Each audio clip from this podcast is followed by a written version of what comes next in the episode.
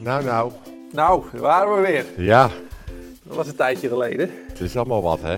Het is wel wat. Leuker kunnen we het niet maken. Nee. Het is weer vakantie. Ja, het leek even alsof we werk hadden. Ja. Maar bij jou gaan nog wel een aantal dingen door, toch? Of niet? Webinars gaan door. Ja. En eh, alle theaters zijn weer een maandje dicht. Tjena.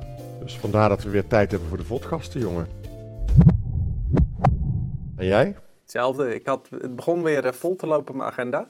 Gewoon, eh, ik had zelfs weer Ja. twee fysieke bijeenkomsten gedaan ook. Ja. Eh, waar mensen gewoon weer hutje mutje zaten. Maar Echt waar? ja, en toen... Ja, ja, ja, ja. ik zal niet zeggen welk bedrijf, maar het was gewoon... Weet je, mensen keren altijd terug naar hun standaard patroon. En dat is gewoon, we zitten gezellig bij elkaar. En dan roept nog wel de voorzitter in de pauze... Hou een beetje afstand, dames en heren. Ja. En al die mannen, ja, ja, die staan natuurlijk weer gewoon biertjes te drinken bij elkaar. En dat is ook hoe het hoort. Dat is ook wat we gewoon moeten doen. Ja? Wat is jouw... ehm, wat is jouw... Ik heb wel twee vragen in mijn hoofd zitten. Mhm. ehm, aan jou. Wat is jouw basishouding ten opzichte van het virus? Dus wat, denk jij, wat is jouw waarheid of wat is jouw, eh, eh, wat denk jij wat waar is? Ja, dat is heel lastig, hè? Omdat er zijn natuurlijk zoveel verschillende meningen van zoveel verschillende kenners. Ehm, eh, laat ik het filosofisch bekijken. Ik vind dat wat er nu gebeurt, bijvoorbeeld vanuit de politiek, dat is heel korte termijn brandjes blussen. En dat is nou juist wat je van een leider niet verwacht. Een leider hoort een visionair te zijn, een visie te hebben. En die hoort op macroniveau zijn, zijn beslissingen te maken. Maar nou, nou eh, geef je eigenlijk al antwoord op mijn tweede vraag. Want mijn eerste vraag eh, zou zijn, wat denk je dat de waarheid is om het virus heen? En mijn tweede vraag is, hoe denk je dat de politiek handelt? Nou, laat ik het zo zeggen. ehm, voor de statistieken die we nu zien, eh, er is een virus inderdaad. Die vergelijkbaar is met een eh, ernstige griep. En hij is nog wel iets nader, want sommige mensen hebben echt nog wel last van luchtwegen, ook als het weer voorbij is. Ehm, griep 0,16% overlijdt nu 0,2 ongeveer. Dus het is ietsjes venijniger. En de mensen die overlijden zijn voornamelijk gelukkig oudere mensen boven de 80 en vaak mensen met onderliggend lijden en mensen met overgewicht. Dat is wat we zien. Eh, dus zo denk ik over het virus. En hoe ik er ook over denk is, wat ik niet snap, we gaan de strijd aan met het virus. Ja. Dat, gaat, dat slaat nergens op. Het virus is er gewoon. Je gaat ook niet de strijd aan met de lucht of water. Eh, en eh, dat virus is er. En er zijn twee opties.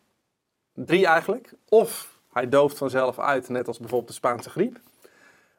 Of we vinden een vaccin, wat niet echt denkbaar is. Ten eerste duurt zo'n vaccin vijf jaar voordat het echt gereed is, gemiddeld genomen. Ten tweede, tegen eh, griep, verkoudheid, HIV, is, er bestaan ook geen vaccins. Ja, het, het griepprik, maar goed, tegen de tijd dat je die hebt, is het, het griepvirus al gemuteerd. Dus, dus ik weet niet of we op het vaccin moeten wachten. En, en de derde optie, dat is wat eh, onze premier in zijn allereerste speech zei. Maar we moeten ons wel realiseren dat het maanden of zelfs langer kan duren om groepsimmuniteit op te bouwen. Eh, Ik weet niet van een toespraak over groepsimmuniteit, die heb ik niet gehoord. En tegelijkertijd gecontroleerd groepsimmuniteit op kunnen bouwen. Nu zijn er natuurlijk mensen die zeggen, de overheid wil ons moedwillig kapot maken en de media doet eraan mee.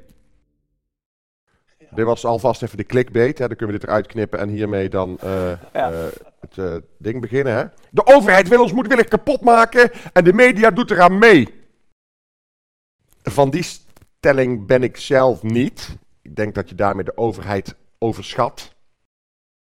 Eh, en misschien ook de media ook wel een beetje. Wat ik denk is dat eh, we op dit moment een kindje aan zee aan het redden zijn, wat aan het verdrinken is. En heel veel mensen staan eromheen en zeggen, red dat kindje, red dat kindje. Terwijl er verderop op zee een, een eh, cruiseschip met 3000 man aan het zinken is. Ja, Alleen om nu te gaan bellen of helikopters in te zetten, of weet ik veel, om dat grotere probleem aan te pakken. Ja, dat, daar zit, dat heeft nog geen gezichtje of dat is nog verder weg. Maar dat, dat, het, de paniek die hier ontstaat bij dat kindje, Ja. daar, ja, daar rennen we met z'n allen massaal op af. Nou ja, het is, ik vind het vanuit eh, gewoon gedragswetenschap wel interessant om te zien hè, wat er gebeurt. Omdat je ziet de, de cognitive biases, hè, dus de manier waarop het brein gewoon totaal vertekend naar de wereld kijkt, vindt nu ultiem plaats ook bij de media en de overheid. Dus wat jij net zegt, dat heb je in je show ook al veel meer. Alles wat direct zichtbaar is en een grote emotie heeft, daar gaat alle aandacht naartoe. Hè, ons brein is natuurlijk niet goed geprogrammeerd om op eh, langere termijn te denken en op macroniveau te denken. Ja. Dat, dat hebben we nooit echt geleerd.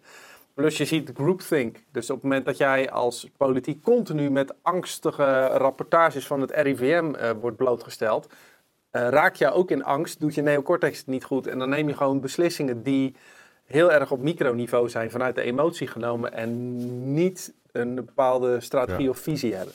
Want die is er nu niet, want dit slaat natuurlijk wat er nu gebeurt. We zitten nu in de tijd, mocht je dit laten zien, dat de tweede lockdown is.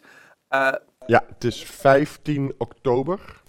Ja, en dit is zo dom, omdat wat is je visie rondom het virus? Denk je nou echt dat als jij nu een maand de horeca weer eh, even de nek omdraait, een maand niks, dat na het maand dat virus weg is? Of dat dat niet meer terugkomt of niet meer verspreid wordt? Nee, je bent gewoon weer terug bij af. En dan komt de derde lockdown en de vierde. Dus wat er nu gebeurt is gewoon op kinderlijk denkniveau in, in mijn optiek. Ja, we, we, hebben ergens eh, een eerste eh, lockdown gehad. Toen dachten we, oh, het is bijna weg. Maar ja, dan gaat het virus weer Ja. van 1, 2, 4, 8, 16, 32, 64. Eh, het, het stijgt exponentieel. Ja, We moeten weer een lockdown. En dan hebben we het dadelijk weer helemaal weg. En dan krijgen we of weer een coronavirus, of een mutatie ervan, Mhm. of een nieuw eh, ebola eh, SARS-versie. en dan, maar die gaan ook weer 2, 4, 6, 8, 16, 32, 64, 128, 256. Dus dat, ook dat begint, het begint altijd bij 1. Dus, maar wij schieten nu al bij die 1 in paniek. Ehm, ja, en, en wat hebben wij hier een half jaar geleden over gezegd? We zeiden eigenlijk van ja, maar straks hebben we, hebben we alles onder controle. Dan is er nog één iemand besmet en dan begint het hele circus weer van vooraf aan. Ja, en de, waar het beleid op wordt gemaakt is zo discutabel. Omdat ten eerste die PCR-test, zelfs de maker, dat kun je op YouTube terugvinden, die legt uit in een interview dat die test hier niet voor is bedoeld. Hè, dus als jij zeg maar vier maanden geleden eh, corona hebt gehad, dan zal deze test nog steeds meten dat je het hebt. En dus naar schatting eh, gaat 37% naar huis met het idee ik heb corona, terwijl je het helemaal niet hebt. En wat doet onze overheid? Die gebruikt dus een valse test. En ik weet niet hoe goed ze in wiskunde zijn, maar als je dus meer testen doet, krijg je meer coronagevallen. En dan raken ze in paniek. En, en eh, nou ja, nu roepen ze dat al die IC's vol liggen. Ik heb eh, nog een arts gesproken onlangs die zegt: Ik kan je alle statistieken laten zien. Er is gewoon nauwelijks iets aan de hand. Dus, dus ik. ik eh, Oh, deze, Paul, dus jij, jij wil liever dat iedereen doodgaat? Nou, jij stuurde van Tibor net een mooi filmpje. Die zegt ook, je moet niet aankomen met zo'n argument. Ja, maar mijn neef van 34 had Ja. corona en die heeft nog steeds moeite met ademen. Nee, want wat, wat Tibor heel goed zei is, dat is ongeveer hetzelfde argument als mijn opa.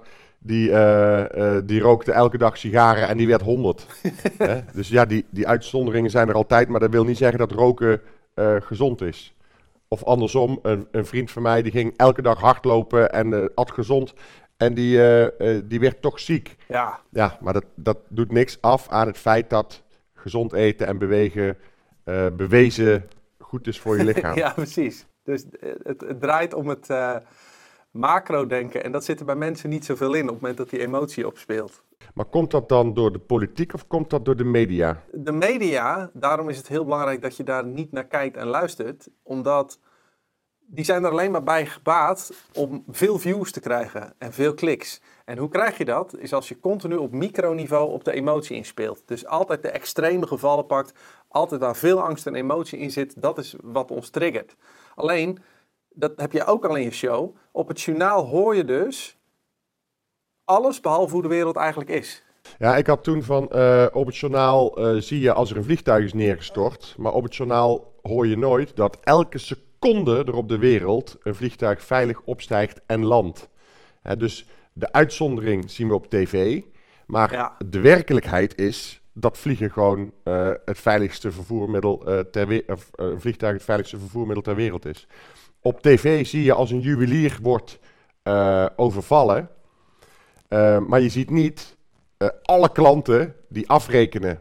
Eh, gewoon netjes afrekenen, weet je. Je ziet eh, ehm, die ene winnaar van de eh, postcode loterij zie je op tv. De miljoenen mensen die niks winnen, ja, die komen niet op tv. Dus eigenlijk als je elke dag het nieuws volgt, zie je precies hoe de wereld niet in elkaar zit. nee, ja, precies, precies. Want je hoort nooit van eh, zoveel mensen zijn resistent tegen het virus, eh, zoveel mensen kunnen het niet meer krijgen. In het nieuws, die en die had corona, maar ja, die had er eigenlijk niks van gemerkt. Nee, nee, en wat, wat hoor je? Dan hoor je, dan hoor je ja, een 89-jarige vrouw die het voor de tweede keer kreeg, is dood. En je zegt, help! Ja, eh, die vrouw had ook nog kanker. Dus misschien een detail, zeg maar. Maar het zijn zo...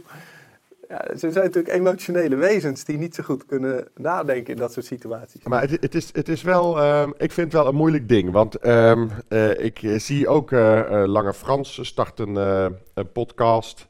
En veel mensen vinden daar iets van. Je bent nu of een, een, ehm, een corona-gekkie of een complotgekkie. Of, of je doet gewoon mee met de maatregelen en dan vindt, eh, vindt de helft je weer uh, schapen of zo. Maar volgens mij is het niet per se zo zwart-wit. En want ik ben geen complotgekkie. Ik geloof niet dat de regering een dubbele agenda heeft. Ik denk oprecht dat ze nog steeds denken dat ze het goede doen. Ik denk alleen dat ze een ladder op aan het klimmen zijn. en dat ze bovenaan de ladder denken: oh, frek, hij staat tegen de verkeerde muur. Hier wilden we Ja. helemaal niet zijn. Ik denk dat als filosoof en, en cabaretier is het gewoon je taak om bij alles vragen te stellen. Daar komt ook humor uit voort, daar komen mooie vragen uit voort. Dus ik stel bij alles graag een vraag. Ehm, maar tegenwoordig, op het moment dat je dat doet, word je gelijk voor complotdenker uitgemaakt. En dat is natuurlijk veel te zwart-wit. Aan de andere kant noemen we dan die mensen schapen, die gewoon alles volgen. Maar dat, zo ligt het ook niet. Ik was nu bij... eh, eh, de, de zus van mijn vriendin, dat is echt zo'n hele, dat is echt super lieve vrouw. Heel netjes, heel meegaand. En die werkt in het ziekenhuis. En zelfs die begon nu vragen te stellen vorige keer. Toen dacht ik, wauw, als jij nu dingen al ter discussie stelt, dat vind ik best wel... Ik hou daarvan, hè, als mensen dat doen. Maar eh, dat zei Tissue Boy, die hij mij laatst ook doorstuurde, wel terecht. Hij zegt, je mag mij een complotgekkie noemen. Maar nu hebben 1800 medici, Ja. artsen, een, een daarvan belde mij laatst. Die hebben nu zo'n brandbrief gestuurd van jongens, wij hebben andere informatie, kijk hier eens naar. En, maar die 1800, dat zijn experts. Die mag je niet zomaar neerzetten als complotdenkers. Dus ik vind het veel te zwart-wit hoe door mensen eh, Ja. die tweedeling wordt gemaakt. Tissue Boy. ik verstond net, eh, toen jij het zei, verstond ik Tissue Boy. Tissue Boy, dat klinkt echt als Tissue Boy. nee, eh Tissue Boy J. En ehm, Leuke gast. Jij kan hem Ja, leuk. super goed nadoen trouwens. zal ik hem nadoen? Ehm, nee, maar hij, eh, ik vind hem wel een fenomeen. Ja, ik ook. Maar ik snap ook dat mensen hem niet allemaal trekken. Snap ik ook. Want hij is wel, hij is eh, qua eh, persoonlijkheid, hij is heel veel. Hij is gespierd, hij is list, hij heeft mooie witte tanden. Eh, hij is altijd positief. Ja, En eh, als je zelf niet positief bent en zelf gewoon baalt van alles, dan is het best wel irritant als iemand om je heen loopt die altijd energie heeft en altijd positief is. Misschien herken je dat wel, dat als je zelf nog slaperig bent en iemand anders is al wakker, wakker, dat is gewoon ja, irritant. ja, ja, dat had ik van de week. En dat gevoel heb ik ook bij eh Tisje Boy. Maar ik vind het wel een, ik vind het een mooi fenomeen. En, eh, dus ik snap dat sommige mensen hem een beetje irritant vinden. Maar ik vind het wel een interessante gast. Want wat hij zegt, eh, ja, vind ik best wel vaak eh, gewoon toch heel logisch klinken. Ja, En als je de tijd neemt om, om naar hem te luisteren, en niet alleen naar hoe hij het zegt, maar ook naar wat hij zegt, en dan heb ik het niet over alle onderzoeken en alle dingetjes, die, alle dingetjes die iemand aanhaalt, maar gewoon naar zijn logische denken. Dus kijk, eh, wat jij net ook zegt, hè, eh, van die PCR-test is zoveel procent ehm, eh, vals. En veel. ja, dat, dat is allemaal dat is wetenschap. Of dat, is dat staat ergens, maar ergens anders staat weer van niet. Dus dat vind ik dan zelf heel moeilijk. Maar wat hij bijvoorbeeld zei over Grapperhaus met zijn feestje. Eh, die eh eh, Grapperhaus eh, verbiedt heel Nederland dichter dan anderhalf meter bij elkaar te komen. Hij heeft zelf een bruiloft en staat met zijn tante of zijn, zijn schoonmoeder op de foto. En dan vraagt die Jay, vraagt gewoon, maar staat hij wel achter zijn eigen beleid? Ik kan zeggen, ja, ja, maar iedereen heeft wel eens, het is ook een mens. Ja, oké, maar, maar als hij er daadwerkelijk van overtuigd is dat het levensgevaarlijk is als je dicht bij iemand komt, dan zou hij zijn schoonmoeder toch geen knuffel geven. En dat is zijn eerste vraag. En dan zie je hem in een studio, of eh, ja, zie je in de studio mensen allemaal van een be- beetje lachen. En dan stelt hij de vraag simpelweg gewoon nog een keer. Nee, nee, nee, nee, nee, nee. Maar, maar als hij nou werkelijk gelooft, als hij dat nou werkelijk gelooft, dat dat dat het een killervirus is, dan zou hij toch niet zijn. Ja, en dan langzaam in de studio zie je iedereen ongemakkelijk worden. Omdat, dit- ja, ja, ja, nee, ja. Ja, als je er echt van uitgaat dat die anderhalve meter, als je daar binnenkomt, dat je dan meer risico loopt, zou die dat niet doen. Dat is de enige conclusie. Dus, dus ik, ik, ja, ik vind het leuk als iemand schreeuwerig binnenkomt, ben je geneigd om, om een soort, om dit te doen, zeg maar. Eh, maar als je naar, niet naar wat hij van internet afplukt, en dat, en dat vind ik bij jou ook moeilijk, en dat vind ik voor mezelf ook moeilijk, van, van welke informatie geloof je en welke niet, maar gewoon het logisch nadenken, ja, daar vind ik hem, eh, vind ik hem wel ook eh, sterk in. Dus kijk, en dat de overheid een verborgen agenda heeft, dat denkt hij ook niet. En dat denk ik ook niet. Alleen de, eh, ehm, wat ik dan interessant vind, hoe lossen we het op? Die situatie waar we nu in zitten. Laten we vanuit gaan dat de overheid zijn best doet, maar dat ze door al die eh eh, hersenspinsels eh, niet zo'n goede beslissing maken. Ze denken niet op macroniveau na. Dus wat we nodig hebben is een, is een visie. En dat Ja. heb ik die gommers alles horen zeggen. We moeten als samenleving nu gewoon eens een keer kiezen wat we gaan doen. En dit, dit houdt in. ehm, we weten nu al dat, dat het middel is nu al veel erger dan de kwaal. Ja. Waar het om draait, en dan kom ik weer op onze allereerste corona-podcast. Als wij gewoon zeggen, oké, dus groepsimmuniteit heb je tussen de, zo rond de 70% moet besmet zijn geweest. Laat mensen gewoon besmet raken. Maar doe dan dat we de ouderen beschermen en dat gewoon de jongeren het hebben gehad. Als dat nu gewoon de oplossing is, dan moet je niet alle cafés nu gaan sluiten. Dan moet je gewoon slim nadenken. Dus wat ik niet begrijp, is dat de overheid zegt, de, de, Ja. angst, de enige angst is dat de IC's vollopen. Dat is wat ik continu hoor.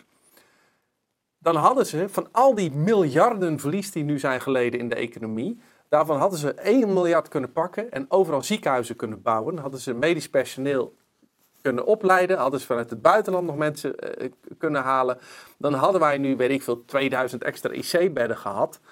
En dan had het virus langs kunnen gaan, dan hadden we groepsimmuniteit op kunnen bouwen en dan kunnen we verder met ons leven. Maar wat je nu doet met continu een brandje blussen, de hele entertainmentwereld gek maken, 100 man, 50, 30, weer 50. De horeca. De horeca gaat naar de kloten. Al die bedrijven, kijk, wij hoeven niet te klagen, maar er zijn heel veel ondernemers, ja, de lol is er wel af. En Vol- volgens mij hebben wij ergens, eh, dan moet ik het even goed zeggen hoor.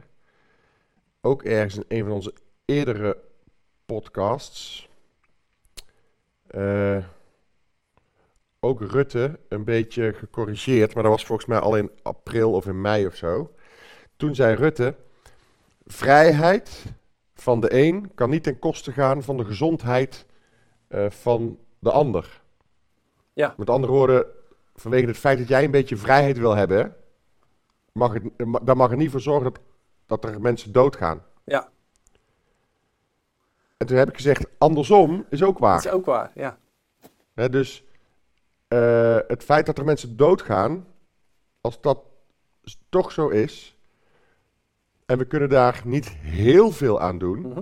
maar, eh, maar eh, in kleine mate invloed op hebben, dan mag dat niet ten koste gaan van de vrijheid van 17 miljoen Nederlanders. In, in maart hadden wij in die podcast, toen zei ik, oh Maurice de Hond heeft gewoon gekeken naar eh, geografisch hoe dingen zijn. En die had het over aerosols. Wij, oh, dat zijn die kleine deeltjes. Nou, nou, Japanse onderzoekers hebben dat helemaal in beeld gebracht. En nu pas in oktober zegt Merkel, oh trouwens, eh, het schijnt dat aerosols eh, er ook mee te maken hebben. en, en dan denk ik, ja, als dit het niveau is van de wereldregering... eh, en dan heb ik, heb ik Rutte er nog niet eens over gehoord. Terwijl gelukkig snappen Nederlanders dat je gewoon goed moet ventileren. Die luisteren volgens mij niet zo meer naar het RIVM, meer naar Maurice de Hond. Wat heel wijs is volgens mij. Nee, als, je de, als je de regels volgt, dan doe je anderhalve meter. Maar in de regels staat nog helemaal niets over ventilatie. Ja, bij scholen wordt er wel gezegd, het moet voldoen aan een bouwbesluit. Eh, maar ja, heel eerlijk, of, of jouw school dan gebouwd is in 1996 of in 2017, dat maakt eigenlijk niet uit. Hè? Alleen in 1996 was er een ander bouwbesluit met andere ventilatienormen dan in 2017. Nu gelukkig bij mijn zoon bijvoorbeeld op school staan alle ramen open en dat is super koud in de klas, zegt hij. Maar ik ben wel blij dat mensen eh, wel luisteren naar andere bronnen omdat we daarmee een stuk verder komen dan die krankzinnige anderhalve meter buiten. Je mag niet meer met vier mensen buiten sporten of zo.